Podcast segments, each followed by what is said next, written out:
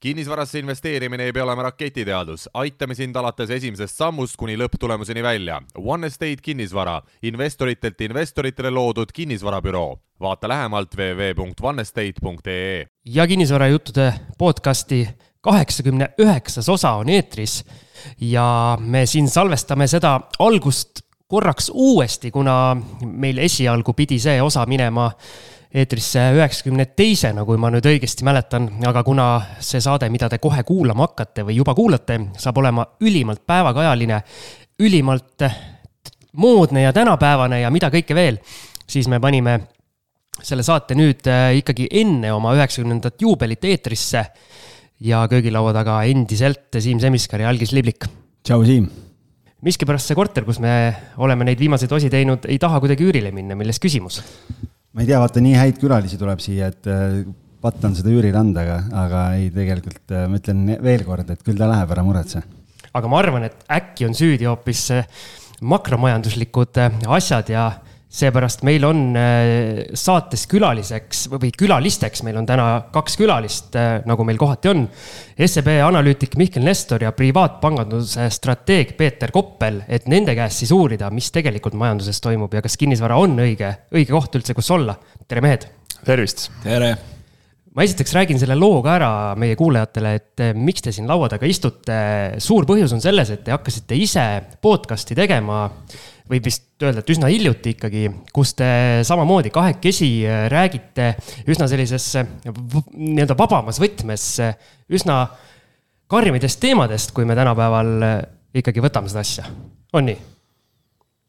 ja noh ei tea, kui see karm see makromajandus on, on ju, et äh, tundub pigem selline nagu lausa akadeemiline, aga jah, mis meil võib-olla see ajend oli, et Eestis ju investeerimispodcast'e on tegelikult äh, päris mitmeid, aga sellised, mis võib-olla räägiksid sellisest majandusest toimuvast või noh, eks me puudutame investeerimist ka, aga just selle makromajandusliku nuka alt, et ega neid tegelikult äh, mingit pidi ei olegi ja ütleme, lõunasöögi käigus niikuinii neid jutte rääkisime, et äkki keegi teine tahab veel kuulda ja mina ütlen ka, et äh, tegelikult on jube äge, sellepärast et enamus selliseid, kui, mis puudutab majandust või, või selliseid teemasid, siis alati kipub jube akadeemiliseks minema, aga, aga teil on ka selline meeleolukas võtmes ja, ja mõnus lihtne kuulamine, nii et, äh, et, et väga teretulnud täiendus. aga oli see teil kohe nagu mõeldud, et te võtate sellise võib-olla vähe sihukesema sõbralikuma võtme sellele asjale? No sellega on see lugu, et kui ma mõtlen näiteks kontseptsioonile privaatpangandus, siis privaatpanganduses on inimestel investeerimisportfellid. ja investeerimisportfellid tuleb nende eest ära investeerida, aga neile tuleb seletada, miks on need investeeringud just sellised, nagu nad on. ja see seletus peab olema selline, et äh, ka inimene, kes igapäevaselt seda ei jälgi, saaks sellest aru ja see on tekitanud võib-olla minus aastate jooksul mingisuguse teatud vilumuse, noh, mitte, see ei ole tulnud kergelt, kus siis prooviks seda akadeemilisust äh, veidikene vältida ja, ja seletada mingisuguseid asju piisavalt lihtsalt selleks, et inimesed saaks lihtsalt aru sellest, miks mingisugune asi niimoodi liigub, nagu ta liigub, mis seal taustal on ja mis edasi võiks saada. ja üks asi, mis äh, nii-öelda hea podcast'i saladus, kui kahekesi teha, ilmselt on see, et te peate omavahel hästi läbi saama, teil peab olema enam-vähem sarnane huumorisoon, mida me algisega veel üheksakümne osaga ei ole saanud, et me saaks hästi läbi, aga teie vist saate? tuleme toime jah, otseselt õudne ei ole. et käsipidi, nii-öelda käsipidi peale salvestust kallale ei ole läinud kunagi mõne nalja pärast üksteisele ei ole, sellepärast et need naljad, noh, minu meelest Mihkli huumorimeel on äh, täitsa okei okay. ja ta ikkagi viskab ka vahest sellist nalja, mida mina kusjuures ilmselt tsenseeriksin ennast ära aga keegi pole seda suurt nuppu veel vajutanud, jah? keegi ei ole suurt nuppu vajutanud, et ja ei ole ka kuulda olnud, et mingisuguseid väga suuri nagu eksesse oleks tulnud sellest, et me vahepeal lõõbime. palju teie podcast'i kuulati või kuulatakse siis? No meil on nagu kuidagi keskeltläbi sihuke natuke üle kolme tuhande vist on viimastel kordadel ikkagi, või no mis viimastel, tegelikult tead üsna ühtlaselt läbi selle podcast'i ja noh, meie jaoks tundub täitsa piisav number, et keegi kolm tuhat inimest tunneb nagu huvi selle vastu, et mis meie majandusest arvame, et hämmastav. no mina alguses arvasin, et meil tuleb võib-olla mõnisada kuulajat, aga noh, kolm tuhat, see on vist Eesti kontekstis tõesti täitsa okei okay.. Te hiljuti rääkisite ühes saates konkreetselt ka kinnisvarast, kas kinnisvarasaade oli kõige kuulatavam? Tead, ei ole nagu üle kontrollinud iseenesest. Äh, ma selle poolest nagu usuks, et kinnisvaraeestlastele meeldib küll, et äh, see on teema tavaliselt, mis alati, et kui käid kuskil rääkimas nagu ka otse inimestele makromajandusest ja kinnisvara slaidi ei pane, siis kindlasti küsitakse. aga mis see keskmine hind on ikka täna, et, et see on nagu tavaline selline kinnisvara. kas kinnisvara on liiga kallis? jah, jah, ja millal see puu lõpeb, on ju, just aga meil on täna plaanis äh, teha see saade nii-öelda kahte ossa, et äh, esimeses osas siis räägime üldistest majandusnäitajatest ja asjadest ja kas tuleb kriis või ei tule kriis ja kõik need teemad lahti. või tuli teises, juba. või tuli juba jah, et äh, ja siis teises saate pooles võtame konkreetsemalt kinnisvara ette ja mina kindlasti tahan küsida, et mehed, miks teile kinnisvara ei meeldi, aga sinna me jõuame. aga alustame sellest, et mida teevad üks majandusanalüütik ja privaatpanganduse strateeg igapäevaselt, millised on teie tööpäevad? Ma ei tea no., kummast me alustame, Peetrist siis? no ma ei tea, selles mõttes, et, et kas see nüüd on nii hirmus, hirmus huvitav. huvitav on see võib-olla minu jaoks peamiselt, on see, et ma tulen hommikul tööle, siis esimene asi, ma jooksutan käima Bloombergi terminali ja ma vaatan, kas maailm on alles. kuigi ma tunnistan, et ilmselt ma olen vaadanud seda ka õhtul, vahetevahel ka öösel ja võib-olla ka varahommikul, aga ma jooksutan Bloombergi käima ja vaatan, kas maailm on alles vaatan, kuidas äh, investeeringutel äh, läheb, vaatan, kas on juhtunud midagi sellist, mis nõuaks mingisuguseid dramaatilisi liigutusi, tavaliselt äh, sellist olukorda ei ole. ja siis ma kirjutan nendele, kes klientidega suhtlevad, sellise väikese ülevaate või sellise väikese kokkuvõtte, et mis siis vahepeal nii-öelda toimunud on ja kuidas sellesse suhestuma peaks. Äh, üldiselt need, kellele ma seda kirjutan, on võimelised seda ka ise klientidele rääkima, aga selline väike tugi võtab äh, väike tugi võtab, kulub neile ära, et see on see, kuidas ma alustan. Ja kohvi ka muidugi no mina tegelen makromajandusega, et mina jõuan ennem kohvi ära teha ja siis nagu arvuti lahti, lahti avada alles, et äh,. aga no laias laastus ma arvan, et jah, ütleme sama ütleks, mis Peeter ütles, et minu enda jaoks see töö on kindlasti huvitavam kui võib-olla keskmise kuulaja jaoks praegu, et äh, teed hommikul arvuti lahti ja vaatad, mis maailmas uudist on, et noh, ütleme.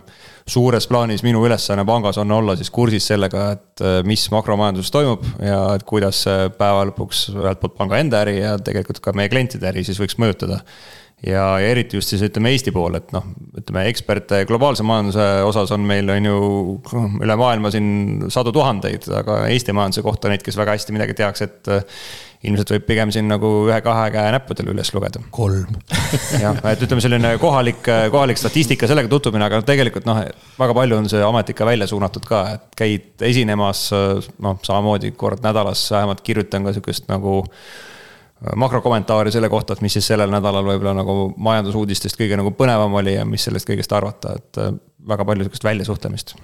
aga Peeter, sa ütlesid, et äh, sa vaatad, kas maailm on alles. mis numbrid sa seal äh, nägema pead, et maailm sinu jaoks ei ole enam alles?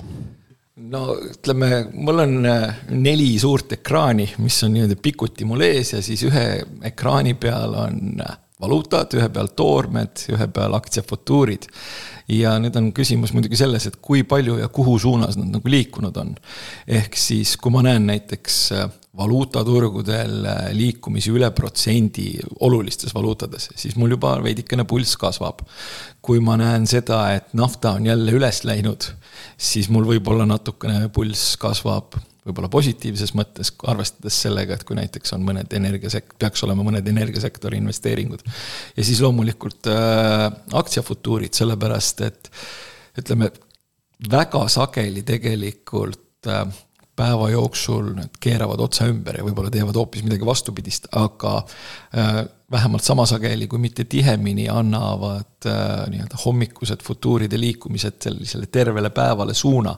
ja siin tuleb jälle vaadata, et kui on liikumine protsent ühes või teises suunas, siis on ükskõik kui on kaks protsenti, siis sellest võib hakata juba, et see on juba natukene huvitavam liikumine ja kõik, mis on üle kahe protsendi noh, see on juba mingisugune päris liikumine. ja see päris liikumine võib esile kutsuda mingisuguse sellise mõtte, et äkki peaks midagi tegema. ja siis on selline tore asi veel olemas nagu volatiilsusindeks, et mis siis põhimõtteliselt hindab seda, et kui hirmul turul ollakse. ja kui see läheb üle kahekümne viie, siis tavaliselt hakkab mulle meedia helistama kui eriline inimene sa selles mõttes oled, et kui palju Eestis näiteks selliseid inimesi on, kellel just need asjad pulsi üles ajavad, et tavainimese jaoks ilmselt mitte ei, ma arvan, et selliseid inimesi on, on veel, kes ütleme neid, võib-olla neid kolme asja jälgivad, võib-olla nad panevad sinna veel, võib-olla nad panevad sinna mingisuguseid Ühendriikide riigivõla tootlusi, võib-olla nad panevad sinna Euroopa riigivõla tootlusi, sellepärast et noh, siin. siis peab suur laud olema, sest ekraani on juurde vaja ju. no ei no neljaga ma saan enam-vähem hakkama, kuigi ma ei ütle, et ma, et mul ei oleks selle viiendaga midagi teha, ma suudaks sinna kindlasti midagi paigutada.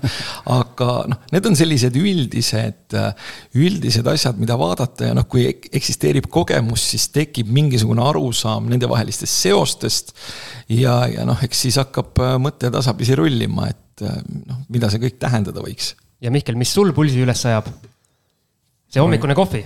no jumal, kui ma tööle jõuan juba, siis kõik on väga hea rahulik, et äh, oma muust olmest aga ei no ma arvan, et no makromajandus on jällegi noh, natuke sihuke nagu rahulikum teema, et äh, see on vist Peetri väljend, et äh, siin aktsiaturud on ennustanud viimasest äh, kolmest majanduskriisist kümmet või midagi taolist, eks, et ei ole nagu mõtet selle pärast nii väga erutuda, et kui seal nagu midagi väga üles ja alla läheb, aga eks no kokkuvõttes muidugi turgudel ja makromajandusel ikkagi omavahel seos on olemas.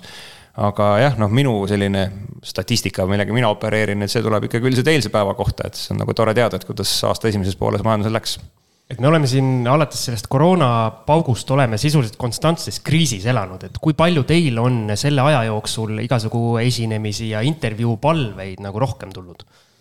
no eks siuksed põnevad ajad majanduses alati siis äh, on soodsad sellistele nagu soolapuhujatele nagu meie, et kes siis peavad ütlema, et mis siis nagu homne päev tulema hakkab. mis tegelikult toimub, jah? jah, aga, aga ma päris kui selle kriisi võrdlusega, kusjuures Eesti puhul nagu ei saa nõustuda selle poolest, et äh, vähemalt majanduslikus plaanis, et noh, kui sa tegelikult vaatad, et kuidas siis Eesti majandusel läinud on, et siin just äh, Eesti Pank minu meelest hiljuti ütles seda, et tegelikult äh, täna see seis, kuhu me siis jõudnud oleme, Eesti, ütleme, skp tase, Eesti heaolu tase, et see on kõrgem, kui nad enne koroonakriisi julgesid ennustada. ehk siis me elame tegelikult äh, suurepäraselt, äh, eriti arvestades seda, et mingisugune üleilmne kriis on nagu vahepeal mööda läinud meist ja noh, kui minule hakatakse kriisidest rääkima, siis äh, noh, ma olen juba võib-olla neid ekraane vaadanud veebruarist üheksakümmend kaheksa.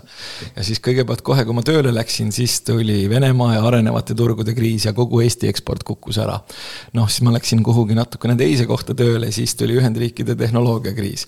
ja siis, kui ma jällegi kunagi vahetasin mingisugust toredat töökohta, siis tuli kahe tuhande kaheksanda aasta kriis. ja kui ma nüüd mõtlen sellele kahe tuhande kaheksanda aasta kriisile, tagasi, siis minu jaoks kõik, mis pärast seda on olnud, ongi olnud ikkagi nagu selline suur äh, pikk kriis, kus siis tegelikult nagu tundub, et nagu süsteem servast põleb ja siis selliste kaootilise, kaootilise võitu improvisatsioonidega mm, seda üritatakse kustutada. ehk see ei ole ikkagi nagu päris normaalne keskkond, et noh, võtame siin mingisugused keskpankade rahatrüki äh, näiteks, et noh, et kuskil Euroopas kuskil kaksteist protsenti aastas trükitakse raha juurde, sellepärast et äh, Lõuna-Euroopa omadega nagu käpuli ei kukuks. või ka muudel põhjustel, et noh, see on selline eksistents konstantses kriisis, aga ma olen Mihkliga väga nõus, et meie oleme olnud siin mingit, mingisugustel hetkedel ikkagi nagu, nagu lilleke väljal, et et äh, need jõnksud alla on olnud äh, noh, ka pärast äh, kahe tuhande kaheksanda aasta probleeme suhteliselt järsud. aga noh, väike dünaamiline majandus toibub ka suhteliselt järsult ja ja, ja tõesti, et noh, arvestades seda, et kuhu me oleme jõudnud kolmekümne aastaga, siis ma arvan, et väga palju paremini ei oleks saanud minna, väitku võib-olla sellised pahuramad poliitikud, mida nad tahavad.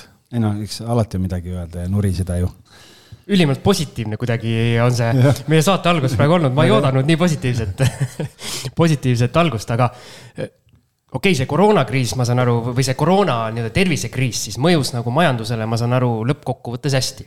aga praegu on meil see sõda Ukrainas, siis meil on energiakandjad põhimõtteliselt kallinevad, siin inimesed arvavad, et kas nad elavad üldse talve üle, et kas me ütleme siis jõulude või uusaasta paiku ka nii positiivselt mõtleme no ma loodan, et ei mõtle nii positiivselt, sest et kui sa praegu vaatad, et ikkagi noh, milline selline erinevus on selles, et mis sa loed nagu leheveergudelt ja mis siis nagu päriselt majanduses toimub, et tundub äh, täielik hullumaja. et kõik nagu ühelt poolt kurdavad, et kõik asjad lähevad väga kalliks, samas noh, vaatad siin viimaseid nagu jaekaubanduse näitajaid. Eestis kogu selliselt müük kasvab siin mõni kuu kakskümmend protsenti, mõni kuu kaksteist protsenti, et äh, nagu homset päeva ei olekski. kes kuhu raha paigutab inflatsiooni eest no, et äh, võib-olla jah, see inflatsioonihirm, noh, öeldakse, et inimesed ostavad täna, et kardavad, et homme on veel kallim. noh, ma ei ole nagu lõpuni kindel, et kui suurt mõju see kokkuvõttes suudab siis sellele turu keskmisele nagu omada. et tegelikult tundub lihtsalt, et inimestel läheb väga hästi, et äh, palgad kasvavad väga kiiresti, hõive kasvab, äh, noh, raha inimestel on, siis viiakse seda ka tarbimisse. aga noh, ma tõesti usun, et äh, see sügis saab natuke teistsugune olema, et noh, see inflatsiooni näitaja on tore näitaja, et arvutada, et siin mingi asi on nagu väga palju kallimaks läinud, noh, samas tegelikult ju kui sa vaatad inimeste kulutusi, siis suvel noh, mingisugusele niisuguseid püsikulusid on ju vähem, et maja kütma enamasti ei pea aga kui siin tuleb äh, selline november, detsember, külmad kuud, et siis see pilt muutub. no ma just mõtlesin, et äh, võib-olla inimestel raha on kõvasti, nad lihtsalt äh, tahaksid uue, uue teleka ja uue, uue telefoni osta, mitte seda siis toasoojale rohkem kulutada no toasoojaga on selline huvitav lugu, et ka mina olen veidikene mures selle sügise ja talve pärast, sellepärast et mul maikuu kommunaalkulud olid sellised, nagu nad on tavaliselt siis, kui õues on pehmelt öeldes pime ja külm. ehk siis võrreldavad sellise eriti külma jaanuariga. Ja noh, kuigi see ei ole mitte mingi, see ei ole mitte midagi sellist, millega nagu, nagu toime ei tuleks või mis muu, tekitaks sellise tunde, et hakkan äh, vannitoas nagu põrandakütet välja lülitama, kuigi noh. ma mõtlesin, et vannitoas lõket tegema. noh, lõket ei hakka tegema, et põrandakütet ei ei ole ka nagu. küttepuude hind pidi olema mitmekordistunud, praegu ei saa lubada sellist asja. ja, ja metsa ei tohtivad ka minna metsakuiva tegema, kuigi pärast selgus vist, et seda metsakuiva ikka siiski võib teha aga no ma ei ole ka metsakuiva tegemise sihtgrupp äh, linnaelanikuna. et äh, ma olen jällegi noh, siin Mihkliga ühte meelt, et see, just nimelt see kodukulude kasv on selline asi, mis võib ühel hetkel nagu päris palju haiget teha. samas on jällegi klassikaliselt hea ära mainida see, et ega inimestel pangas pole kunagi rohkem raha olnud kui praegu. tõsi. okei okay seda lauset öeldakse nii-öelda päris palju, et inimestel on raha käes rohkem kui kunagi varem, aga samas lisatakse, no vahest ei lisata ka, aga enamasti lisatakse see teine pool ka, et aga on inimesi, kellel see nii-öelda palgapäevast palgapäevani elamine ju muutub veel keerulisemaks, kui kõik need püsikulud kasvavad, et kas meil on siis konkreetselt nii-öelda kaks Eestit, et. keskklass hakkab ära kaduma või? mina võin öelda, et noh, see hästi tüüpiline väide, et rikkad saavad rikkamaks ja vaesed jäävad vaesemaks, et äh, eelmise aasta andmete pinnalt äh, sai seda enda pangas nagu vaadatud, et kus siis nagu nende hoiused kõige kiiremini kasvasid ja tegelikult see hoiuste kasv oli kõige kiirem täitsa sellises nagu keskmise sissetulekurühmas. et protsentuaalselt suurenesid nende inimeste hoiused kõige kiiremini ja isegi ütleme vist oli noh, nõksa alla keskmise teenivate inimeste hulgas. et tegelikult noh, praegu mulle tundub küll, et see selline tõusulaine on äh, kõik laevad ülespoole tõstnud. ja kui nüüd mõelda seda äh, olukorda, kus siis äh, noh, pidevalt tahetakse mainida ju seda, mis ka Mihkel mainis, et rikkad lähevad rikkamaks ja vaesed lähevad vaesemaks. siis kuni selle, kui vaadata arenenud maailma, siis kuni selle rahatrüki tsirkuse alguseni oli reaalne pilt tegelikult see, et Äh, rikkad läksid rikkamaks, aga vaesed läksid rikkamaks oluliselt kiiremini, kui rikkad läksid rikkamaks. nüüd rahatrükk võttis, äh, rikkus selle pildi paraku ära ja siin on võimalik äh, igasuguseid selliseid reaktsioonilis-revolutsioonilisi, et mitte öelda roosa või punase varjundiga mõtteid nagu just nimelt selle tõttu hakata, hakata nagu kultiveerima. aga ma küsin siis selle küsimuse ka ära nii-öelda investorina, et praegu seda inflatsiooninumbrit vaadates, kas õige on olla varades või õige on olla rahas? varades veidikenegi pikemas perspektiivis, kui vaadata veidikenegi pikemas perspektiivi. Sorry, ma segan vahele, mis see ja. veidike pikem perspektiiv on sinu hinnangul? no paar aastat ja edasi. et siis on igal juhul äh, varad, varad lihtsalt sellepärast, et noh, kui me ka eeldame, et see inflatsioon kestab natukene kauem ja ta on juba kestnud natukene kauem ja ta on olnud juba natukene hullem, kui äh, meile esialgu lubati keskpankade poolt, siis ajalooliselt inflatsioonilises keskkonnas mitte midagi ei ole parata, varad kipuvad toimima, kõige paremini toimivad nii-öelda toormed ja toormetootjad. ja ega siis nagu kinnisvaral ka väga viga ei ole. ja aktsiate puhul tuleb lihtsalt valida õige, õige sektor. ja siin on äh, nüüd ütleme see teema, et kus tõesti toimub ilmselt see protsess, millega finantsturud väga sageli ja eriti aktsiaturud hakkama saavad, et toimub äh, nii-öelda rikkuse ümberjaotamine kannatamatute ja kannatlike vahel. ehk siis kannatlikud ilmselt tulevad inflatsioonilisest keskkonnast paremini välja kui kannatamatud.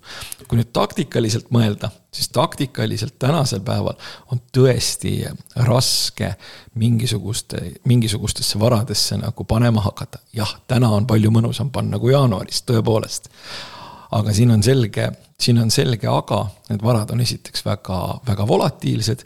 ja kui me nüüd vaatame seda, et meil on olnud äh, euroalal, noh, euroala ajaloo kõige valusam võlakirja kukkumine, meil on äh, Ühendriikides võlakirjaturg saanud loputada noh, mitmekümne aasta kontekstis kõige rohkem.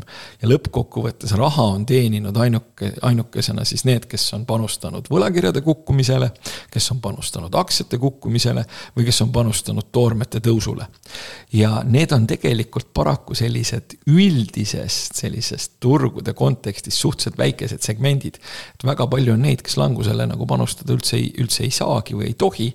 ja seetõttu noh, ütleme, et siin oli võib-olla märtsi lõpus oli võib-olla selline arusaam või isegi aprillis, et kui sa oled aasta algusest nagu viis protsenti miinuses oma investeeringutega, ükskõik, et need olid aktsiad või võlakirjad, siis sul on päris hästi läinud.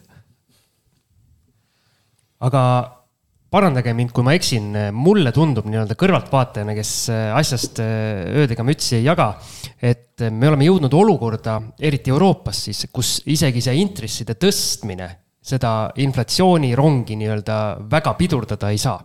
ma arvan, et seal on erineva situatsioon natukene Euroopa ja Ameerika vahel. et USA puhul, kui sa vaatad, mis on seal nagu inflatsiooni põhjustajad, see on äh, suhteliselt otse võib ära öelda, et see on olnud äh, majanduse ülekuumenemine ja tingitud siis sellest, et liiga palju raha sai kriisi käigus majandusse veetud. inimestel oli liiga palju raha ühel hetkel ja ei suutnud nagu ettevõtlusele pakkumisega sellele nõudlusele järele tulla. ja noh, sellises olukorras sul on täiesti kõige loogilisem asi, et sa teedki raha kallimaks.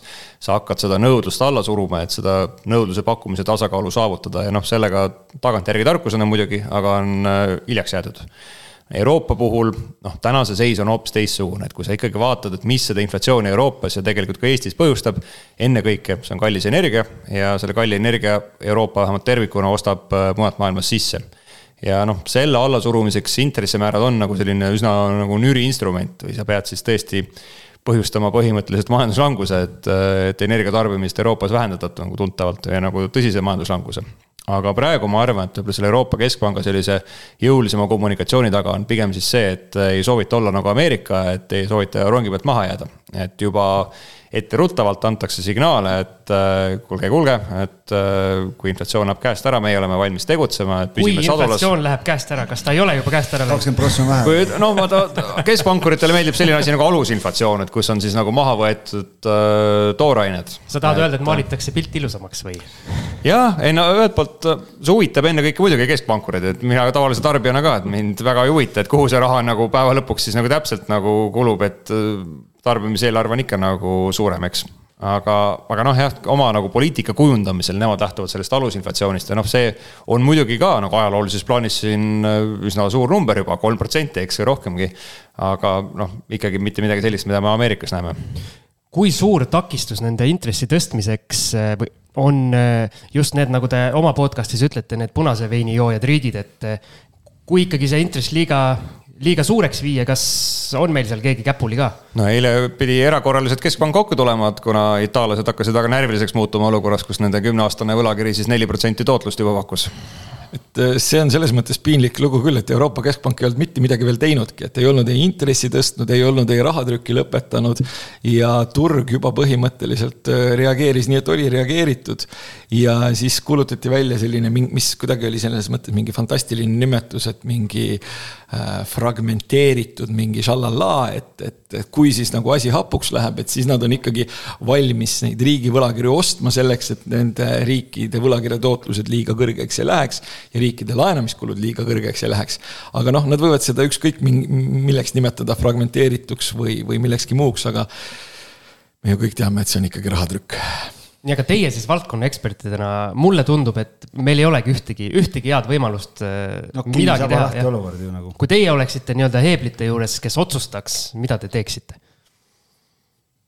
no ma arvan, et tänane situatsioon, kus äh, inflatsioon on siin kõrge, see ei ole nagu mitte kõigile vastumeelt otseselt, et äh, tegelikult ju neid reaalseid võlakoormuseid aitab see üsna tublisti vähendada ja noh, kui sa vaatad, et noh, täpselt see Itaalia, et äh, see aasta küll nüüd ilmselt tuleb see võlakoormus alla aga et varasemalt siin sada kuuskümmend protsenti SKP-st, et äh, kui selline kirves nagu pidevalt pea kohal ripub, et oleks nagu mõistlik seda kuidagipidi allapoole tuua ja inflatsioon on selleks üks võimalus, et eks ma usun ka, et Euroopa Keskpank on noh, tegelikkuses nagu sellega arvestanud, et äh, mõnda aega võib-olla polegi kõige halvem, kui inflatsioon on äh, natuke kõrgem. ajalugu ilmselgelt tõestab seda, et äh, poliitikutele ja majanduspoliitika ohjajatele ja otsustajatele meeldib inflatsioon selgelt rohkem kui ükskõik milline alternatiiv aga kui reaalne on see variant, et ikkagi lõpuks mõni riik allavett lastakse? Kreeka või Itaalia või kes need on seal veel kõik? minu spekulatsioon on selline, et euroala hoitakse koos äh, ka siis, kui kõik ratsionaalsed argumendid on äh, selle kooshoidmiseks ammendunud, ehk siis see on poliitiline projekt, see ei ole majanduslik ega ratsionaalne projekt.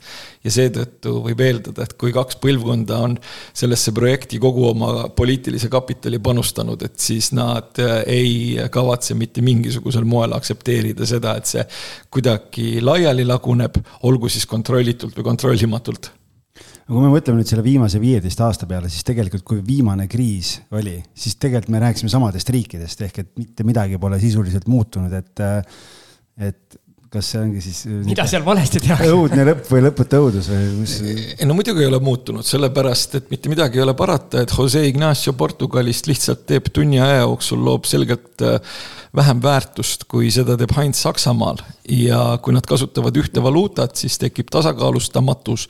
ja see tasakaalustamatus on see, mis keedab kokku selle supi, mida me kõik paraku praegu helbime. aga kui kõva mees on Siim Tallinnast selles vaates? Siim, Siimul Tallinnast. mitte nii kõva kui Mihkel ja Peeter Siimul Tallinnast ei jää mitte midagi muud üle, kui ära kannatada ja vaadata ja loota, et läheb üle. ja juua punast veini kõrvale mõõdukalt ja mitte ta, tavalisest pudelist, vaid osta mingi kolmeliitrine pakk, et. Äh, ei, ei, seda me ei propageeri, aga äh, öeldakse või see nii-öelda ütelus kõlab, et kingsepp käib ikka paljajalu või midagi, midagi sellist, et teie valdkonnas väga hästi orienteeruvate meestena, et kui palju te ise investeerite? no mina teab, mis nagu investeerimiskuluks ennast kindlasti ei pea, et ma loen seda, et mis on äh, nii-öelda teadus näidanud, et kui iga kuu midagi kõrvale paned, hoolimata sellest, kas on nagu päike või saab vihma, et äh, siis ühel hetkel on seda on ikkagi nagu rohkem kogunenud, kui sa sisse panid ja selles heas usus ma selliseid ETF-e nagu kuust kuusse ostan. Kõige igavam indeksi investeerimine. absoluutselt, mul ei ole aega huvitavaks eluks no minu puhul on see mure, et minu huvitav elu on äh, töökohustustega seotud piiratud, ehk siis mul on teatud kontekstis teatud piirangud, mida ma teha ei tohi. ja teine asi on see, et noh, ka aeg on selline, et võib-olla ma tahaksin mingisuguseid kiireid sisse ja välja liigutusi teha, aga paraku ma pean sellel ajal tegema nagu palgatööd. Äh, mul võib-olla on tõesti isiklike investeeringute portfell natukene huvitavam kui, kui Mihklil. natukene kontsentreeritum mingisugustesse valdkondadesse, aga samas äh, üldiselt seda ideed, et äh, pidevalt mingisugusesse äh, indeksisse akumuleerida, seda ma absoluutselt äh, noh, ma toetan kahe käega, sellepärast et ütleme nii, et see on midagi sellist, mis on suhteliselt selliste mõistlike ressurssidega nii raha kui aja osas võimalik. teine asi on see, et kui kohe, kui see investeerimishorisont nagu veidikenegi pikem on, siis on ajaloost võimalik leida nagu väga häid tõestusi sellest, et ega nagu kuskilt mujalt sellist head pikaajalist viie-kuueprotsendilist reaaltootlust välja ei, ei, ei, ei pruugi nii-öelda lihtne inimene pigistada. Investeerimises on see kuulus, kuulus mõttetera ka, et see kinniseotud ahv suudab äh, nooli visates äh, üksikaktsiaid valides samaväärse portfelli kokku panna kui kui teiesugused analüütikud ja strateegid ja, ja eksperdid. no sellepärast ma ostangi neid ETF-e, et ma ei ole, ei ole endas usku. Siimule, et päris valusat teed käid praegu, et äh, julge, julge. aga öeldakse niimoodi ju, on ju? no vot ja noh, ennast ma sellega võrdlengi selle poolest, et äh, ei usalda ennast ise piisavalt noh, ütleme nii, et see on selline huvitav eksperiment, mida, millest on kirjutatud nagu palju, palju raamatuid, aga siin ikkagi paraku kipub olema ka selliseid näiteid, et äh, analüüsitakse ettevõtteid ja siis vastavalt sellele analüüsile pannakse kokku portfell ja lüüakse turgu. ehk siis turu löömine on äh, selgelt, äh, selgelt võimalik, nüüd on muidugi küsimus selles, et kas see turu löömine on võimalik sellepärast, et keegi, kes seda analüüsi teeb, on osav ja hea.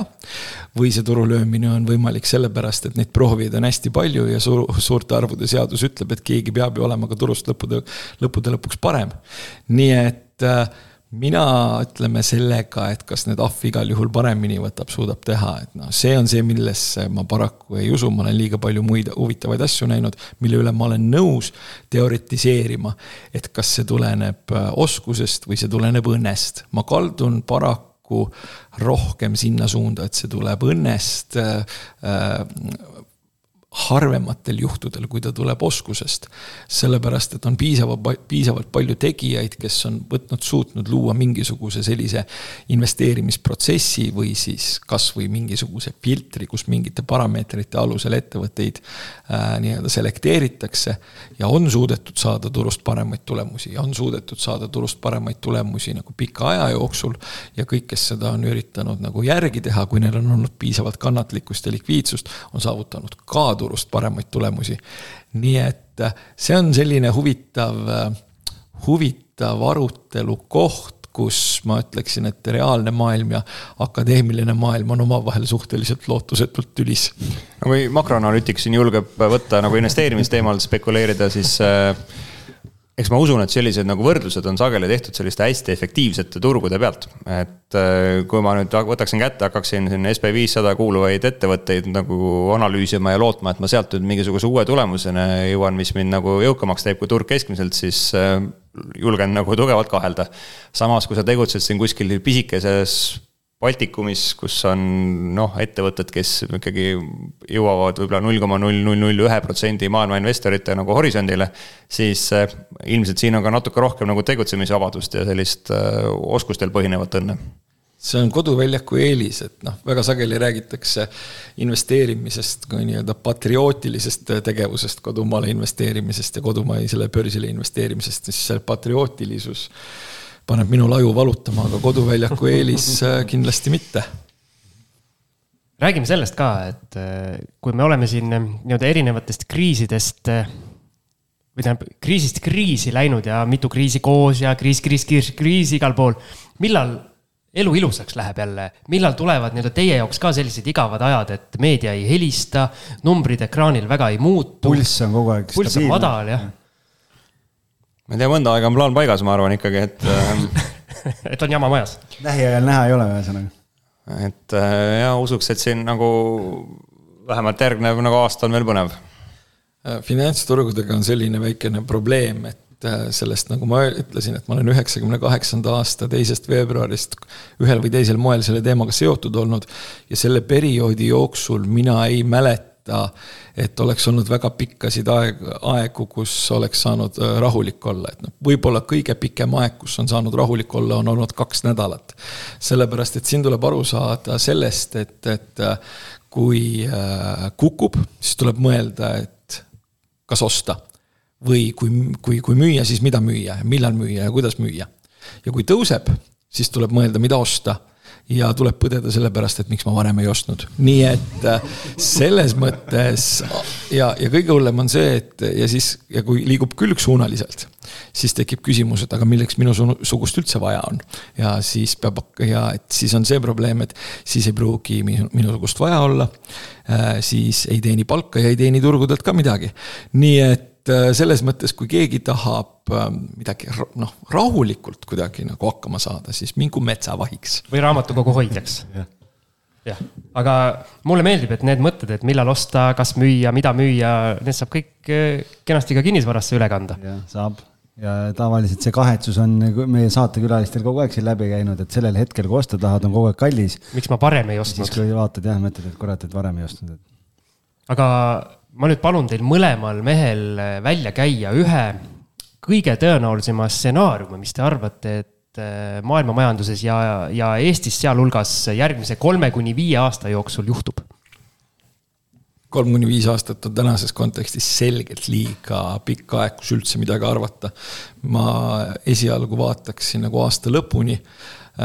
Äh, kui ma pean mõtlema kolme kuni viie aasta perspektiivis, siis minu selline hüpotees oleks äh, see, et, et raha ikkagi peab minema kallimaks, sellepärast et noh, ütleme, kui me vaatame seda, kuhu me oleme jõudnud, me oleme jõudnud sellisesse kohta, kus riigid ei ole osanud käituda, nad ei ole olnud fiskaalselt distsiplineeritud, järelikult nende maksevõime on selline njeh.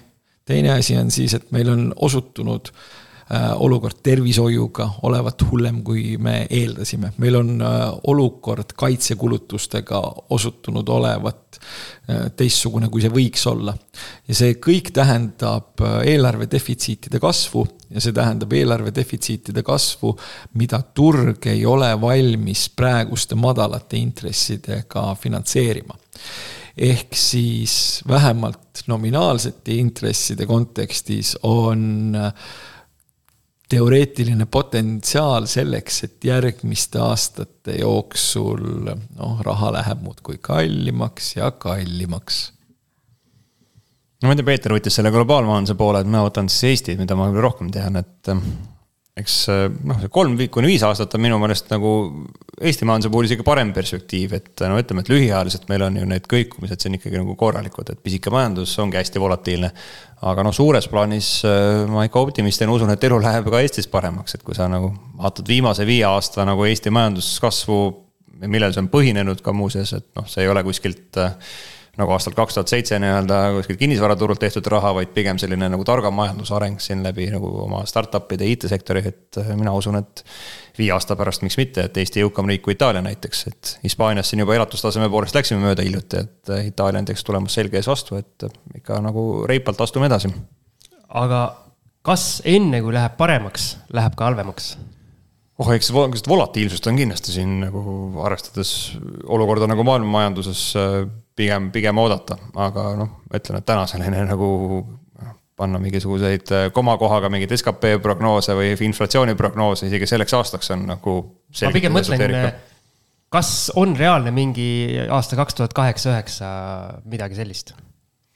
no mul on seda täna nagu keeruline uskuda, et noh, kui jällegi noh, võrrelda nagu, mul on isegi nagu tore slaid, mida ma aeg-ajalt käin inimestele näitamas, et võrreldes siis erinevaid Eesti majandusnäitajaid aastal kaks tuhat seitse ja aastal kaks tuhat kakskümmend kaks. et noh, tollal meil ka igasuguse ilma globaalse kriisita tegelikult oli suur tasakaalustamatus, et äh, kõik näitajad karjusid selle järele, et siin peab mingi korrektuur tulema. noh, täna mul nagu Eesti majandusest midagi taolist leida kuskilt on äh, väga keeruline et ikka selline pigem orgaaniline nagu enda nagu tõelistel majanduslikel tulemustel põhinev kasv olnud, et eh, mitte see, et laenasime raha kokku ja nüüd oleme rikkad. Mihkel, palju see meie majandusesse eksport hetkel moodustab? eelmine aasta kaheksakümmend protsenti jälle. see siis tähendab seda, et eh, selleks, et meil läheks väga halvaks, peaks minema halvaks meie peamistel ekspordipartneritel. ja peamiste ekspordipartnerite kontekstis just seda me hetkel ei näe, et seal eh, saaks väga halvaks minna nagu väga lähiajal. kes need suurimad ekspordipartnerid on hetkel? Soome ja, ja Rootsi tegelikult selle järel, et äh, USA on siin ka nüüd nagu teoreetiliselt pildil, aga noh, see on üks tehas siin Lasnamäe veerel, kes sinna väga palju asju viib, et iseenesest äh, mõju majandusele ei ole niivõrd suur. aga tegelikult ikka jah, Põhjamaade turud ja, ja noh, ongi tore, sellised väga jõukad riigid ja tegelikult ka nagu majanduslikult stabiilsed, eks. et äh, Soome halb aasta ja Soome hea aasta, et protsentuaalselt võib-olla see kasvuerinevus ei ole seal väga suur kokkuvõttes, et äh, ka sellised noh, võib-olla keerulisemad aastad tegelikult pakuvad kasvuvõimalusi seal. kui me räägime sellest äh, volatiilsusest, siis milliseid samme üks tavainimene tegema peaks sellest, et selle jaoks, et see aeg üle elada, et või on hilja juba? see on see on selles mõttes hästi keeruline, et mingisugune arusaam sellest, mis ümberringi toimub ja see, et võib minna liiga hästi, võib minna liiga halvasti, et see arusaam tegelikult võiks kogu aeg olemas olla. et noh, üks asi on loomulikult äh, näiteks kolme kuu püsikulutuste puhver äh, pangakontol.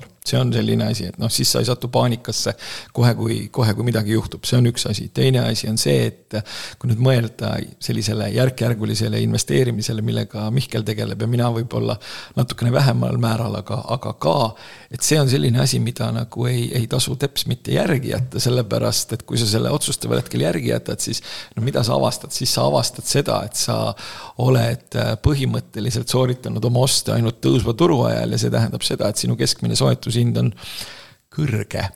ehk siis äh, tõepoolest, ehk puhver peab olema, investeerimist äh, tuleb äh, jätkata ja noh, sellise mingisuguse päris lauseeufooriaga nagu, nagu ei maksa kaasa minna, et siin viimasel ajal seoses sellise huvitava kauplemissardiini kukkumisega nagu krüpto on igasugu huvitavaid lugusid sellest, kuidas küll keegi pani maja panti, mitte küll Eestis, ma loodan. küll keegi pani maja panti ja küll keegi pani nagu vanaema korteri panti ja läks nagu all in ja nüüd ei ole enam midagi, et. et noh, selliste asjade nagu, nagu selliste paduahnusega kaasa minemine on äh, suhteliselt halb mõte. täpselt samamoodi nagu paduhirmuga kaasa minemine, et kui sa ikkagi näed, et vara on nagu ka ajaloolises plaanis nagu fundamentaalselt sigaodav, siis äh, noh, osta see ära, sellepärast et vastasel korral sa avastad, et äh, jälle üks hea võimalus läks mööda eks see investeerimine ongi nagu psühholoogiliselt ju kohutavalt raske, et eh, noh, siin praegu langevate turgude tingimustes, et eh, ma võin ratsionaalselt aru saada, et mõistlik aeg on osta, aga no ikka teeb natuke haiget, kui sa iga kuu paned ühe summa nagu sinna kontole juurde ja siis kuu lõpus seda raha enam seal ei ole nagu, et vupsti. Ja, ja teisipidi nagu jälle headel aegadel, eks, et ennast nagu noh, me oleme ju elanud siin viimased kümmekond aastat nagu suurepärasel aastal, kus nagu tundub, et kõik asi saab ainult ülesse minna.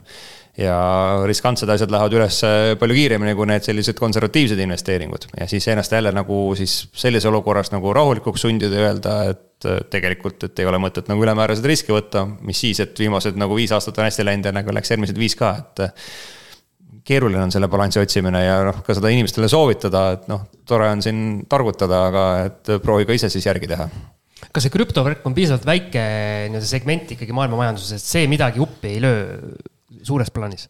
Äh, keeruline öelda, selles mõttes kogu selle show turu kapitalisatsioon või noh, kapitalisatsioon võib-olla paha öelda, oli mingisugune äh, noh, kaks pool triljonit kaks pool tuhat miljardit, kui vaadata seda, kuidas siin raha on trükitud, siis see ei ole nagu nii suur, aga üldiselt kipub ikkagi nii olema, et kui kuskil eksisteerivad mingisugused inimesed, kes arvavad, et nad on rikkad ja siis ühel hetkel ei ole, siis on jamasti. ja, ja teine koht, kus on võib-olla probleem, on see, et äh, noh, kuskil eksisteerivad siis veel ühed inimesed, kes arvasid, et need esimesed inimesed on rikkad. ja on teinud nendega majandustehinguid ja võib-olla andnud neile äh, kasutada ka nagu päris raha. Ja see on nagu selgelt Äh, selgelt ikkagi, ikkagi problemaatiline ja see võib tekitada mingisuguseid selliseid võnkumisi, mida, mida muidu ei, ei eksisteeriks, sest noh, mõelge isegi, kui mingisugune noh, kümme krüptovenda panevad oma lambo müüki, mis see lambo hinna, hinnaga siis võiks nagu lühiajaliselt teha vähemalt. aga no vaata, krüptomehed õnneks tavapangandust väga ei usalda, et äh, nad äkki ei ole väga palju laenu käinud küsimas tänu sellele no ei tea midagi selles mõttes, et äh, alati on ju olemas meil ju selline shadow banking, et ilmselt. ja arvestades seda, et nad on eeldanud ju, et mingisugused need äh, mündikesed, äh, mis võib-olla alguses maksid äh, vähe, siis maksid rohkem ja siis maksid kümneid tuhandeid, et need pidid ju miljonitesse minema. et noh, kui sa ikkagi nagu väga usud ja sul on juba, sul on juba Lambo ja sul on juba nagu kaks girlfriend'i, kes teineteisest teavad ja see on okei okay, siis, siis sa ilmselt üritad võib-olla tõesti kogu oma mingisuguse muu vara võtta kätte ja, ja, ja mingi, mingit muud vara kasutada kasutada, kasutada panga äh, automaadina selleks, et finantseerida oma hirmuäratavat krüptosõltuvust. aga mulle tundub, et kõik need lambad on juba esindusse tagasi antud või praegu veel mitte päris? no mina ei tea, ma linna peal ikka vaatan neid kadedusega, kuidas nad sõidavad ja. aga sul ekraanidel ja, neid krüptonumbreid ei jookse või? jookseb küll, aga ütleme, et see ükskõiksus, mis mul nende suhtes on, on, on suhteliselt suur ja mind on selle ükskõiksuse ja skeptilisuse eest korralikult ka igatepidi nahutatud. ja noh, ütleme, et oli plaan Bitcoini osta siis, kui see maksis nelisada dollarit per tükk aga, ja kõik oli nagu ilusti nagu valmis vaadatud. aga siis äh, see konkreetne exchange, kus seda, seda kaubeldi, ühel hetkel kadus nagunii koos kõigi osaliste nagu nende positsioonidega, nii et ma nüüd nagu liiga palju ei, ei, ei põe.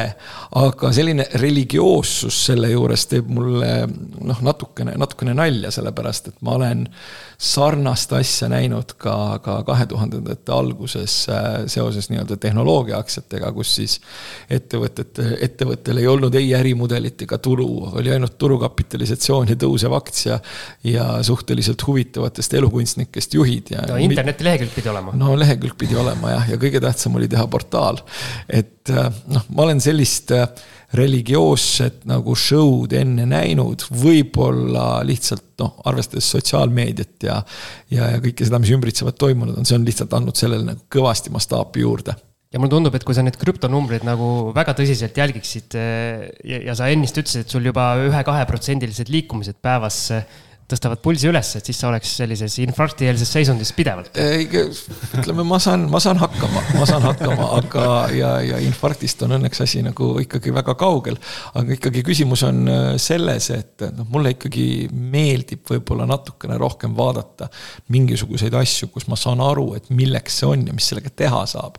noh, ma saan aru, et kui ma ostan, ma ei tea, energiaettevõtte aktsiat, ma enam-vähem tean, mida see ettevõte teeb, kellele ta seda teeb, miks ta seda teeb kuhu tema toode läheb, mis tema tootest saab ja siis mul on mingisugune asi, mis justkui peaks olema raha, aga ma ei tea mitte kedagi, kes sellest, selle eest oleks kohvi ostnud või makse maksnud. no aga seal on väga fundamentaalne asi, see on usk suuremasse lolli.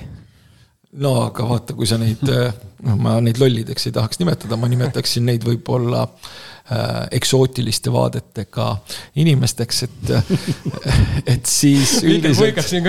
et üldiselt, et üldiselt, üldiselt noh, nende puhul on, on, on, on see, see, see, nad, nad ei arva, et nad on lollid, nad vastupidi arvavad, nad on kõigist kõige targemad ma arvan, siia on see osa hea lõpetada, me teeme väikese, väikese kõllipausi, sööme kommi ja siis lähme juba konkreetselt kinnisvara juurde.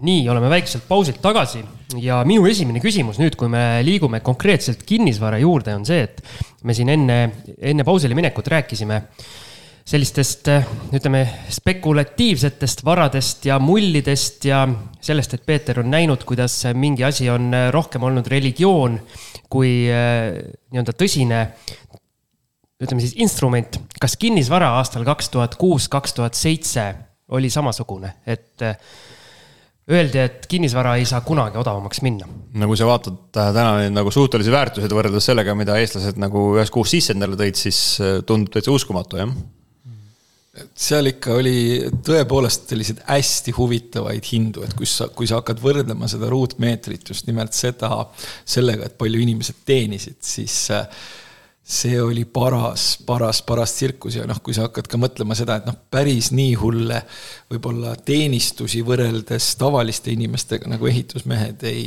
ei teeni ilmselt ka, et et noh, kuidas see oligi, et noh, ma mäletan äh, olles tipust ostnud, aga ütleme, et selles oli rohkem naine süüdi.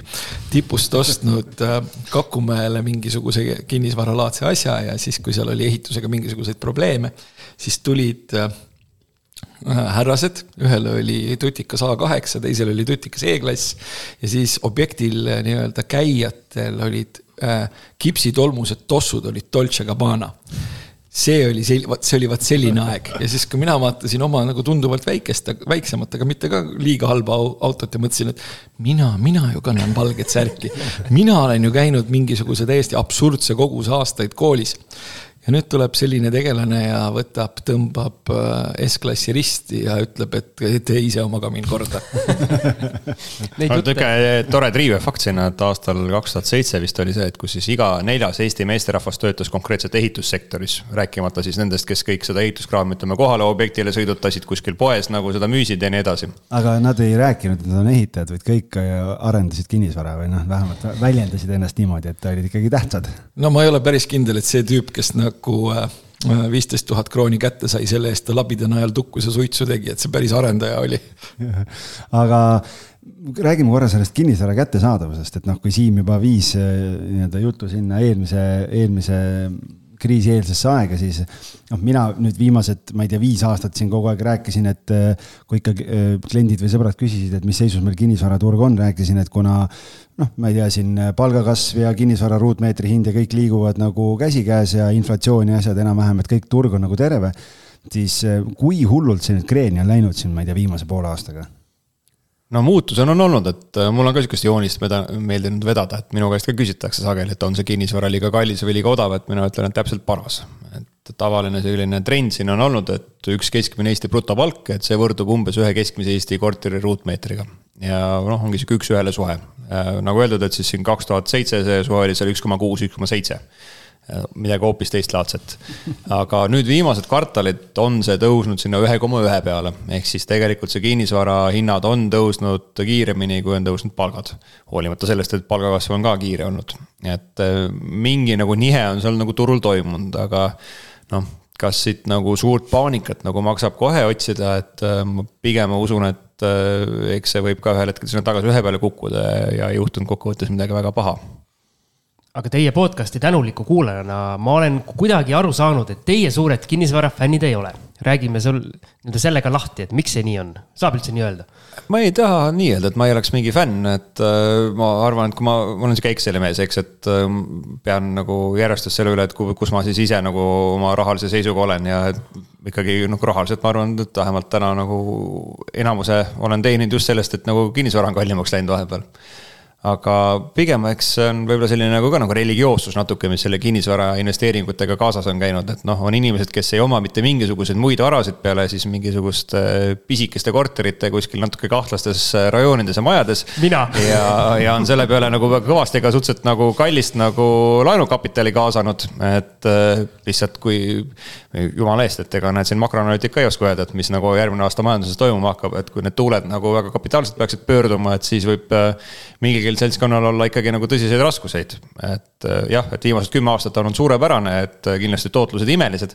aga noh, minu ETF äh, kukub võib-olla on ju kolmkümmend protsenti, noh, mis siis ikka, läheme edasi. aga kui peab hakkama mingisuguseid valusaid laenusid tagasi maksma, et võib ka nagu lõpuks olukord väga hapuks muutuda ja mina ka ei saa öelda, et ma nüüd ei, ei oleks fänn, ma üldiselt olen väga väheste, väga väheste asjade fänn ja need üldiselt ei ole finantsinstrumendid kui äh, Mihkel on selline Exceli tegelane, siis noh, minul on äh, arvestades nagu seda tööd ja portfelli valitsemist ja kõike seda, siis mul alati igasugused investeeringud või need, need moodustavad kuskil silme ette mingisuguse piruka piruka diagrammi, et siis varadevaheline allokatsioon.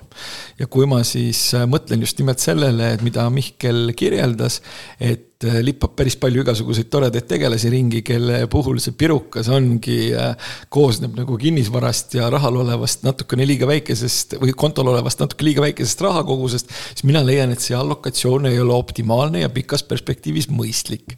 ja siis ma hakkan mõtlema, et palju see kinnisvara nii-öelda võiks moodustada nii-öelda sellisest noh, ütleme sellisest varapirukast ja siis ma saan kuskil, saan kuskil selline viisteist, kakskümmend protsenti. ja kui nüüd mõelda sellele, et viisteist või kakskümmend protsenti võiks olla kinnisvara ja siis seal poleks, peaks olema igasuguseid muid asju ka, siis tekibki selline tunne, et aga ma ei ole võib-olla veel piisavalt rikas selleks, et noh mingisugust märkimisväärset kogust kinnisvara omada, et võib-olla kahekümne protsendi eest nagu saab, saab liiga vähe.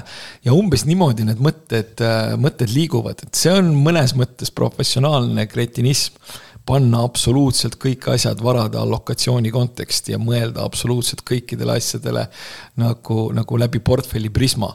kuigi samal ajal nii-öelda kodu, kodu kui selline võib olla ju hoopis noh, see on laenuga tarbimine, see ei ole investeering meie saate kuulajatel ilmselt on see allokatsioon hoopis vastupidine et, et kaheksakümmend protsenti kinnisvaras ja heal juhul kakskümmend midagi muud. aga me saate esimeses osas, siis kui me nooli viskavat, nooli viskavast ahvist rääkisime, et eh, kinnisvaras mulle tundub, on eh, eriti hästi tuleb välja see, et kui sul on mingid teadmised, turutunnetus, eh, siis see mängib nagu selle asja kasuks, on mul õigus? No ega ma ei ole analüüsi teinud, aga ise kipuks ka nii arvama, et samamoodi, et ega see ei ole efektiivne turg, on ju, et äh, minule ka väga, tegelikult kinnisvara mulle väga meeldib. ma, ma tõesti oma, ütleme, minu see puhkehetk möödub kuskil kinnisvaraportaalis lihtsalt kuulutusi vaadates. ma mõtlesin, et me... ei, meie mastimees. puhkehetk möödub kuskil kinnisvaraobjektil. no objektil pigem ei, aga, aga noh, meeldib vaadata ja ma arvaks ka, et ma nagu tänu sellele, et mul on aastaid läbi sihuke naljakas hobi olnud, et siis ma enam-vähem ka mingi tunnetus on kinnisvaraturust tekkinud ja siis, kui sa aeg-ajalt räägid mõne nagu koduotsijaga ja sa saad aru, et tema nagu tunnetus on midagi hoopis teistlaadset. ja see lähtub mingitest täiesti teistsugustest nagu argumentidest, kui mina võib-olla nagu kinnisvara puhul lähtun. ja noh, täpselt selles keskkonnas ma tegelikult ilmselt saaksin seda teadmist ka nagu siis selle inimese vastu kasutada oled sa kunagi oma tunnetust äh, nii-öelda mõelnud realiseerida ka, et ostad mõne üürikorteri, paned mõne toreda inimese sinna sisse elama? no mul üks esimene kodu on selline, et äh, nagu ma arvan, hästi paljudel sellistele minuvanustele eestlastele, et äh, mina sisenesin Eestis kinnisvaraturule aastal kaks tuhat üksteist, mis oli väga ilus aeg sinna, sinna ilmuda, et just sai võrreldud, et kui mina maksin omal ajal siis tuhat eurot vist oli ruutmeeter, siis täna selles samas majas on neli tuhat eurot ruutmeeter, eks, kümme aastat hiljem. Pole paha rahapaigutus. aga. kuigi see ei ole investeering, nagu Peeter ütles no see, see sai investeeringuks, sellepärast et ühel hetkel ju Mihkel võttis, parandas oma nii-öelda elustandardit ja parandas seda kohta, kuhu ta nagu äh, elama jäi ja noh, siis oleks olnud alternatiiv see korter maha müüa ja paigutada see näiteks mingisugustesse muudesse finantsinstrumentidesse. aga ilmselt sellel hetkel ei tundunud see mõistlik ja noh, rahavoogu ju tuleb ja, ja no ütleme, mis on ka tegelikult, et äh, noh, ju Eesti puhul on ilmselt peamine tegelikult on see kinnisvara nagu väärtuse kasv just, et äh, need inimesed, kes siin mina sealhulgas, et on nagu võib-olla neid upgrade'e siin nagu vahepeal rohkem teinud, et kogu aeg tundub, et nagu midagi jääb sealt nagu näppude vahele tänu sellele, et äh, elu läheb Eestis paremaks, kinnisvara läheb kallimaks.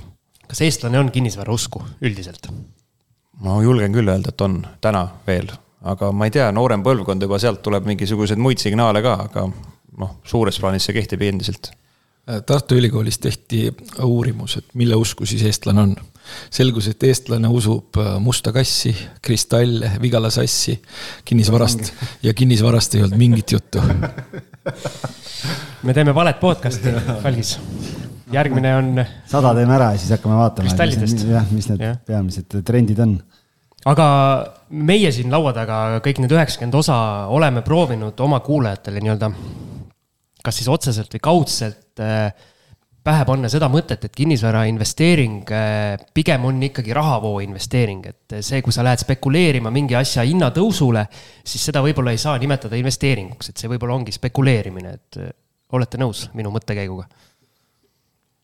noh, rahavoog sealt tuleb ju, aga noh, kui sa hakkad nüüd, mida jällegi mulle tundub, et Äh, noh, teiesugused professionaalid kindlasti teevad, aga väga paljud ka nagu ei mõtle, kes sellest kinnisvara investeeringut kaaluvad, on see, et ju investeeringutega käivad kaasas ka mingid kulutused kinnisvara puhul. et noh, jällegi, et kui mina oma lihtsaid ETF-e ostan, et äh, võin nagu üsna muret olla, et äh, eriti palju midagi kulutama ei pea ja no vähemalt on mul väga selge ülevaade, mis need kulutused on, siis kinnisvara puhul ei ole see teps mitte nii. ja mulle tundubki, et noh, mis on ka kõigi nende siin ratsarikkaks nagu mõtlejate puhul probleemiks on see, et ei suudeta nagu seda nagu kuluvõrrandit nagu sealt üles leida, et äh, mõeldakse, et joh, et ostsin, ostsin sellise rahaga ja nüüd saan nagu aastas nii palju tootlust ja siis amortisatsioon, äh, mingisugune vakantsus ja kõik sellised näitajad on täiesti tundmata et äh, noh, neid asjad peab, kui need nagu sinna asjale juurde liita, et see rahavoog võib kippuda nagu üsna tagasihoidlikuks jääma.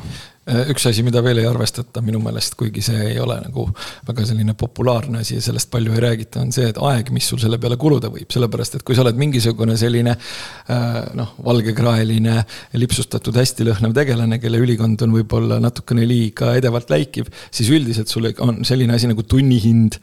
ja sinu tunnihind, noh, kui sa seda tunnihinda hakkad rakendama selle peale, et kui sulle neli kolmkümmend helistab üürnik, kes ütleb, et tema WC tuleb nüüd lahti pumbata ja siis sa lähed sinna ja avastad, et. tavaliselt Peeter teeb seda. jah, et keegi on rasvakriitidega nagu, nagu kallile Itaalia tapeedile joonistanud äh, päikesesüsteemi. see on reaalne, see on reaalne lugu või? Äh, õnneks mitte minu, minult endalt. et siis põhimõtteliselt sa võiksid sinna Excelisse panna ka, mis su nagu tunnihind on. ja kui sa selle tunnihinna sinna paned, et palju sa sellega tegeled, siis jällegi nagu Mihkel ütles, see, see rahavoog võib-olla ei ole nii nunnu, kui sa arvasid minu vastuväide sellele, või no mitte vastuväide, aga siit edasiarendus on see, et tänu sellele meiesugustele pakubki kinnisvara nagu suuremat võimalust, kuna see sisenemislävi erinevate asjade tõttu ongi lihtsalt kõrgem.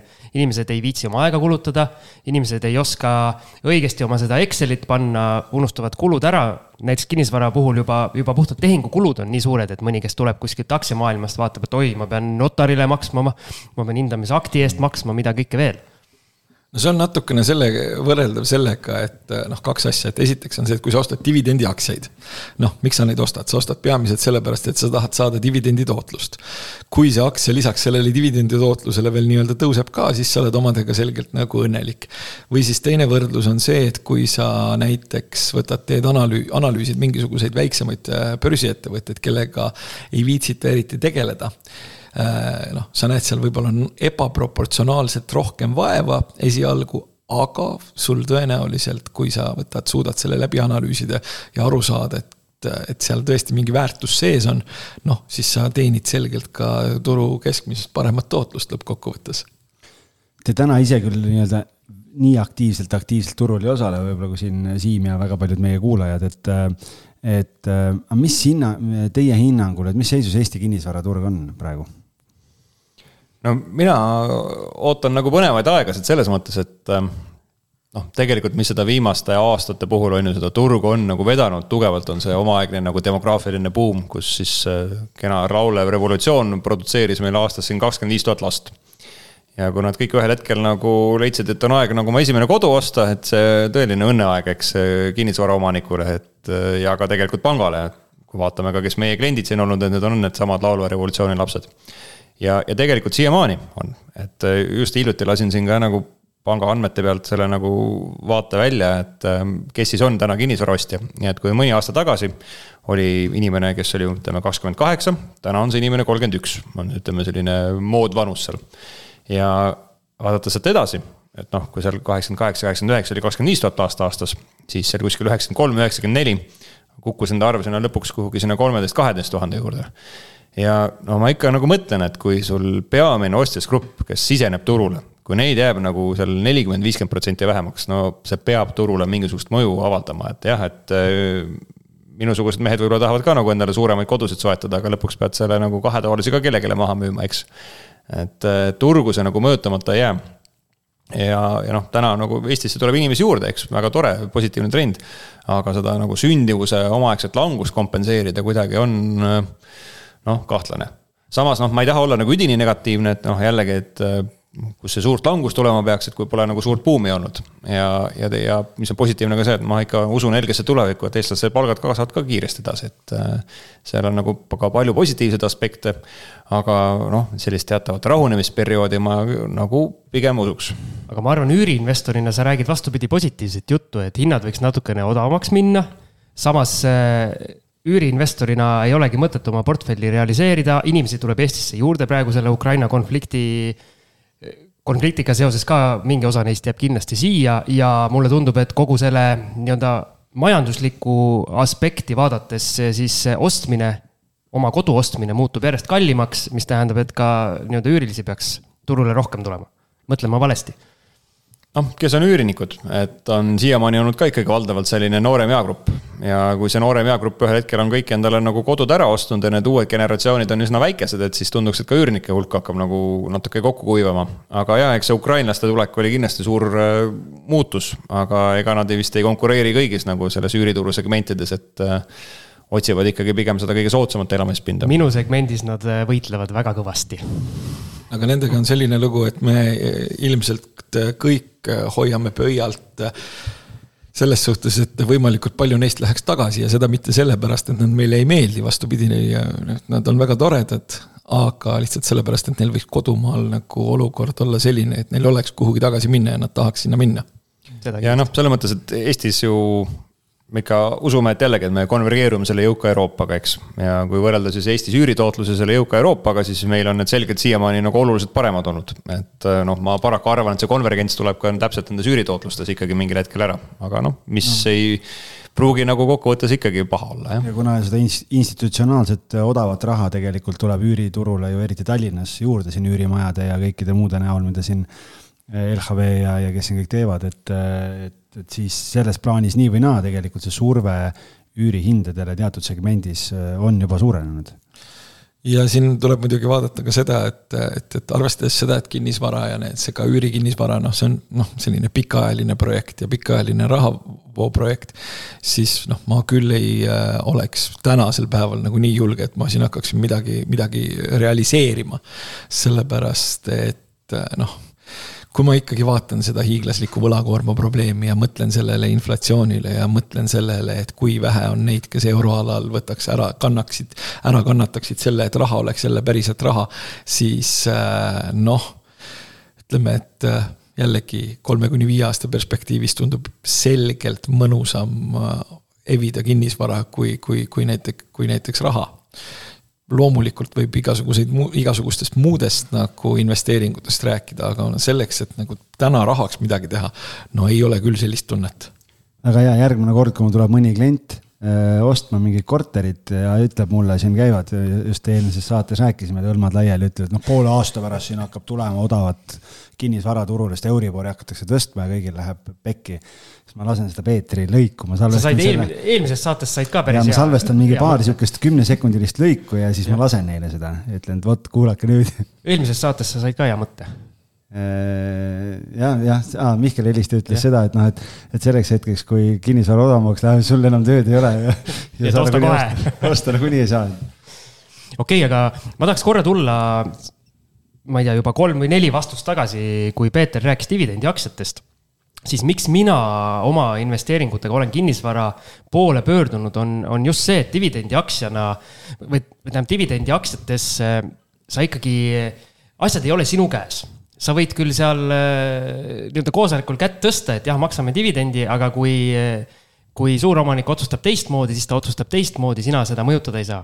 Kinnisvaras äh, vähemalt mina olen niimoodi teinud, et asjad on minu otsustada, minu käes ja mulle see selline pisikese jumalatunne meeldib no siin tuleb vaadata selgelt seda, et loomulikult eksisteerib selliseid ettevõtteid, kelle puhul mingisugune näiteks institutsionaalne investor või aktivistist investor või lihtsalt paha suuromanik ütleb, et äh, dividendi nie budget.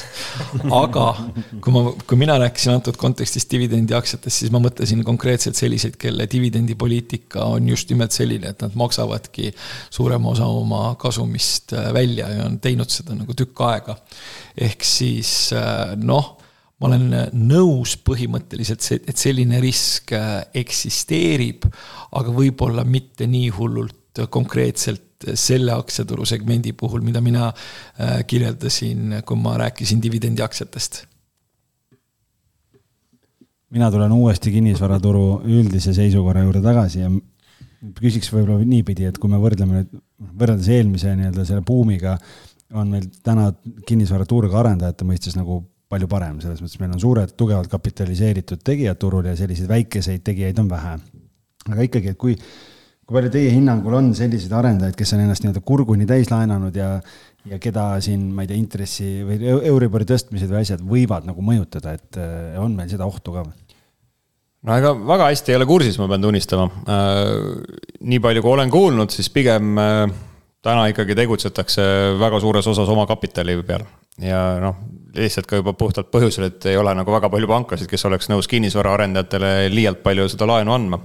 noh. koodid on täis kõigil või? koodid on, äh, koodid on täis, aga, aga noh, pigem siin võib-olla kusjuures vastupidi, et noh, täna, kui sa vaatad, et kes siis kinnisvarasektorile laenu annab, et siin on pigem võib-olla riskid kontsentreerunud, et äh, ka pangandusmaastikul, et noh, mis jällegi noh suure tõenäosusega ei realiseeru. aga iseenesest on nagu ka nagu põnev vaade see, et täna, et kellele kinnisvaraarendajad nagu, kelle käest nad laenu võtavad, need, see ei ole nagu selline Eesti pangandusmaastik kogu oma laiuses, vaid pigem väga üksikud tegijad. okei okay,, kas sa tahad öelda, et osad pangad on siis eelmistest vigadest õppinud ja osad ei ole? jah, noh, see vigadest õppimine, et noh, pigem nad haldavad oma riske ja võib-olla on ka mõned äh, neist ka liialt konservatiivsed on ju olnud selle Eesti kinnisvaraturu suhtes, aga noh, suures plaanis noh, tore oleks, kui nagu riskid jaotuksid nagu majanduses ühtlaselt, mitte ei, mitte ei oleks siis nagu mõne üksiku ettevõtte kanda.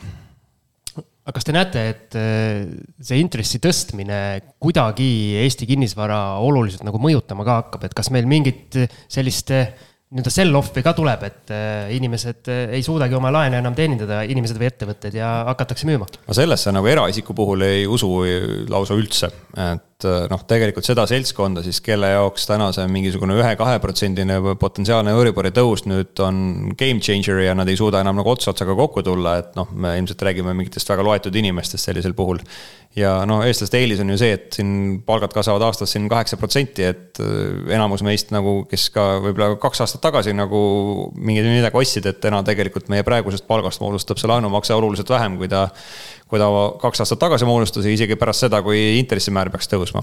tead, ma ütlen Delfi kommentaariumis öeldakse sulle selle jutu peale, et äh, ma ei tea ühtegi inimest, kes teaks ühtegi inimest, kellel oleks palk kasvanud Delfi kommentaariumis olles selle eest väga palju ei maksta tõesti, aga, aga, aga võib-olla teistpidi, et äh, mida see võib mõjutada, on siis tegelikult kinnisvara pakkumine, eks. et seda ma olen küll kuulnud, et siin äh, mõne arendaja jaoks võib-olla selline noh, esialgsed nagu arvutused, mis tehti nagu selle Euriboriga, mis oli veel mõni aeg tagasi ja mis tundus realistlik nagu edaspidi.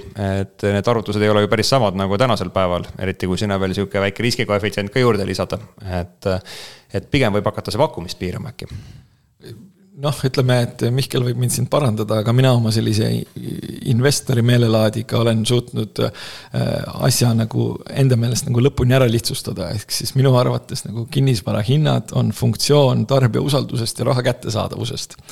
raha kättesaadavuse osas, noh, selle üks komponent on raha hind, kui raha hind läheb kallimaks, siis see ei mõju põhimõtteliselt hästi nii, see on üks aspekt, teine aspekt, mis on raha kättesaadavuse kontekstis võib-olla oluline, on see, et kui me vaatame seda praegust inflatsioonitaset siis äh, noh, mõtleme mingisuguse, mingisugusele sellele, et kui mina oleksin, mina jooksutaksin pangas äh, mingisugust krediidimudelit, siis ma leiaks, et äh, kuna eeldades, et, et vorst on kallim ja inimene sööb enam-vähem sama palju vorsti, siis järelikult tal kulutused sellele kasvavad ja võib-olla tema see maksevõime on nagu natukene viletsam. Ja siis ma võib-olla ütleksin, et jaa, võib-olla noh, saad laenu küll, on ju aga see laen on sulle ka võib-olla nagu marginaali mõttes natukene kallim ja sa saad seda vähem.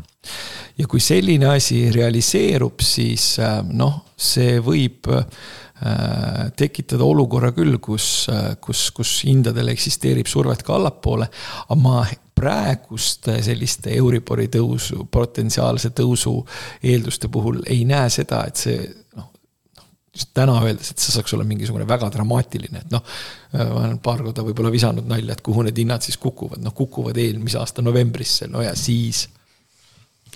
Teie pangas töötades kindlasti omavahel võib-olla kuskil äh, ma ei tea, fuajees arutades, ma ei tahtnud suitsunurgas öelda leidnud parem. lõunalauas. lõunalauas, jah, vabandust. lõunalauas äh, arutades olete kindlasti puudutanud ka seda teemat, et kui palju on see Ukraina sõda või see sõja eskaleerumine nüüd mõjutanud Eesti kinnisvaraturgu selles osas, et kas hindadesse on see agressiivse naabri koefitsient sisse kirjutatud praegu? Vaata, Tallinn ei ole London, eks, et äh, siin ikkagi nagu valdavalt tegutsevad äh, kohalikud inimesed ja noh, mulle tundub, et eestlased nagu ei ole nüüd liialt ära hirmutatud veel olnud sellest sõjast, et ikka tegutsetakse samamoodi edasi. et seetõttu ma noh, kindlasti kuskil keegi on millestki loobunud, et seda ei saa välistada, aga et ta nüüd oleks turgu muutnud, sellesse ma ei usu mina olen aru saanud nii-öelda tasapisi äh, sirkides, sorkides ja torkides erinevaid kinnisvaraga seotud inimesi, kes ütlesid, et noh, et kaks nädalat pärast kahekümne neljandat veebruari oli äh, äh, suhteliselt keeruline olukord, väga paljud tegelased üritasid oma just nimelt invest-, investeerimiskortereid müüki paisata. aga siis, kui see kaks nädalat läbi sai, siis põhimõtteliselt läks äh, show endises tempos edasi aga kas see agressiivse naabri koefitsient äh, töötab ju nii kinnisvaras kui ka tegelikult äh, näiteks Balti aktsiaturul, et sa ei saa ka kohalikku ettevõtet kuskile mujale viia? jah, aga seda koefitsienti on suhteliselt raske hinnata ja seda saab hinnata alles nagu takkajärgi. ja teine asi on see, et mis mulle on äh, kogemus õpetanud, on see, et, et ahnus üldiselt võtab, taandab aja jooksul selle hirmu ära näide selline võib-olla, et kui oli kaks tuhat neliteist ja, ja, ja Venemaa tegi Krimmis midagi sellist, mida ta ei oleks tohtinud teha, siis oli piisavalt palju selliseid suuri institutsionaalseid investoreid, kes ütlesid, et nii, et Venemaa aktsiaturg on iga, igaveseks pähk ja me ei taha sellest enam mitte kunagi kuulda millegipärast siiski äh, kuskil nagu kaks aastat hiljem, kuna nafta hind oli seal, kus ta oli, oli kõik oma läikivate ülikondadega Moskvas investeerimiskonverentsidel kohal. ja polnud, polnud sellest enam juttugi. jah, praegune olukord on veidikene nagu teistsugune, aga see tegelikult äh, illustreerib seda, et kuidas äh, investorid üldiselt mõtlevad, et noh, nad kipuvad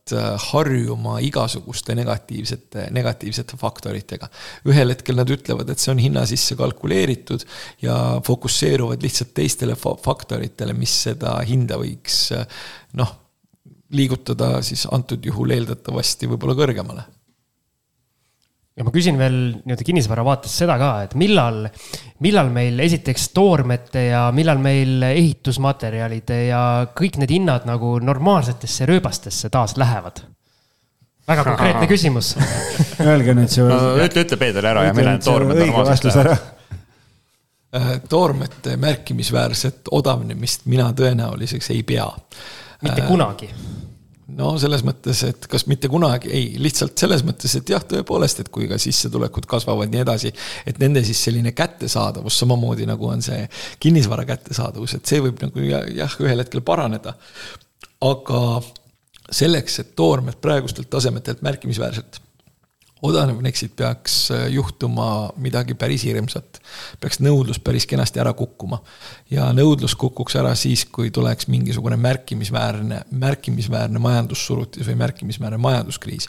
vastasel korral on need struktuursed äh, põhjused, miks toormed, toormehinnad tõusevad, sellised või tõusnud on sellised, et need, need, need ei kao tegelikult äh, mitte kuhugi, et noh, kasvõi selline näide, et noh, mitte midagi ei ole parata. fossiilsete kütuste osas on defitsiit hetkel äh, süsteemis. mitte midagi ei ole parata, kui me võtame mingisuguseid näiteks metalle, siis sellised odavalt kättesaadavad nagu ressursid on ammendunud, et noh, inglise keeles on hea väljend low hanging fruit ehk siis madalalt rippuv puuvili, et noh, sa nopid ju madalalt rippuva puuvilja nagu kõigepealt ära, enne kui sa nagu äh, selle redeli tood ja lähed, lähed nagu kõrgemale nende, neid õunu või apelsine sinna korjama.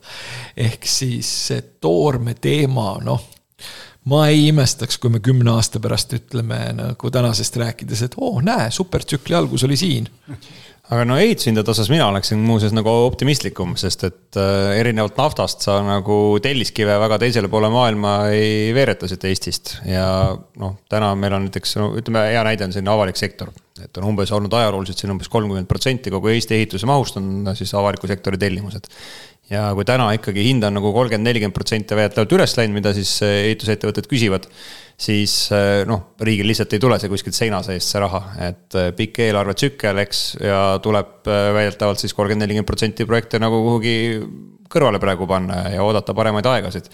ja noh, sellises situatsioonis on ju, et noh, kus ka ütleme, eratellimused ilmselt siis vähenevad hinna tõttu noh, mis need ehitajad siis tegema hakkavad, et äh, mingit nagu äri tahaks üleval hoida, samamoodi ehitusmaterjali tootjad. et äh, tegelikult see hinnakorrektuur äh, tuleb siis täpselt nii suur, kui suur tuleb sellel aastal siis ostjatepoolne või tellijatepoolne korrektuur oma nagu ootustes ja tellimuse mahtudes. super, Algis, kas sa tahad veel midagi küsida või läheme lõpuküsimuse peale, mida mida ma tahangi küsida, mehed on soojaks rääkinud pikalt ennast just selle küsimuse sa oled ette valmistanud? ma olen ette valmistanud, jah. ja okei okay,, lõpuküsimus, et äh, laia pintsliga maalides, et äh, mida te soovitate kümme pluss äh, horisondiga kinnisvarainvestorit, kinnisvarainvestorile, ütleme siis väikeinvestorile, mida ta peaks kinnisvaras äh, hetkel tegema, kas ta peaks ostma, müüma või istuma kätel? mulle meenub üks äh, üheksakümne seitsmenda aasta mm, börsikommentaar, kus äh, väga tõsine maakler ütles, et hoia sees ja ära liiguta see on ilus mõte, et sellega võiks vist ära lõpetada. sellega lõpetame ja. jah. hoiame sees ja ärme liiguta suur-suur tänu, mehed, et te saite tulla, oli väga meeleolukas, mulle väga meeldis. ma pean kogu selle saate üle kuulama ja siis ma kindlasti saan eh, oluliselt veel targemaks. ja aitäh. aitäh kutsumast. lahe oli ja, ja edu teile oma podcast'iga loomulikult ja hakake kinnisvarajuttude kuulajad ka kõik kuulama. Mis see ametlik nimi teil äh, saatel on? Nestor ja Koppel. väga originaalne. soovitame, soovitame. väga, väga, pika mõttetöö tulemus on. et äh, soovitame kuulata kõikidel meie kuulajatel, et äh, väga mõnus ja, ja sihuke hea kuulamine. just. ja nautige suve ka. absoluutselt, olge tublid. tšau. kinnisvarainvestoritele loodud kinnisvarabüroo, aitamised alates esimesest sammust kuni lõpptulemuseni välja. vaata lähemalt www.onestate.ee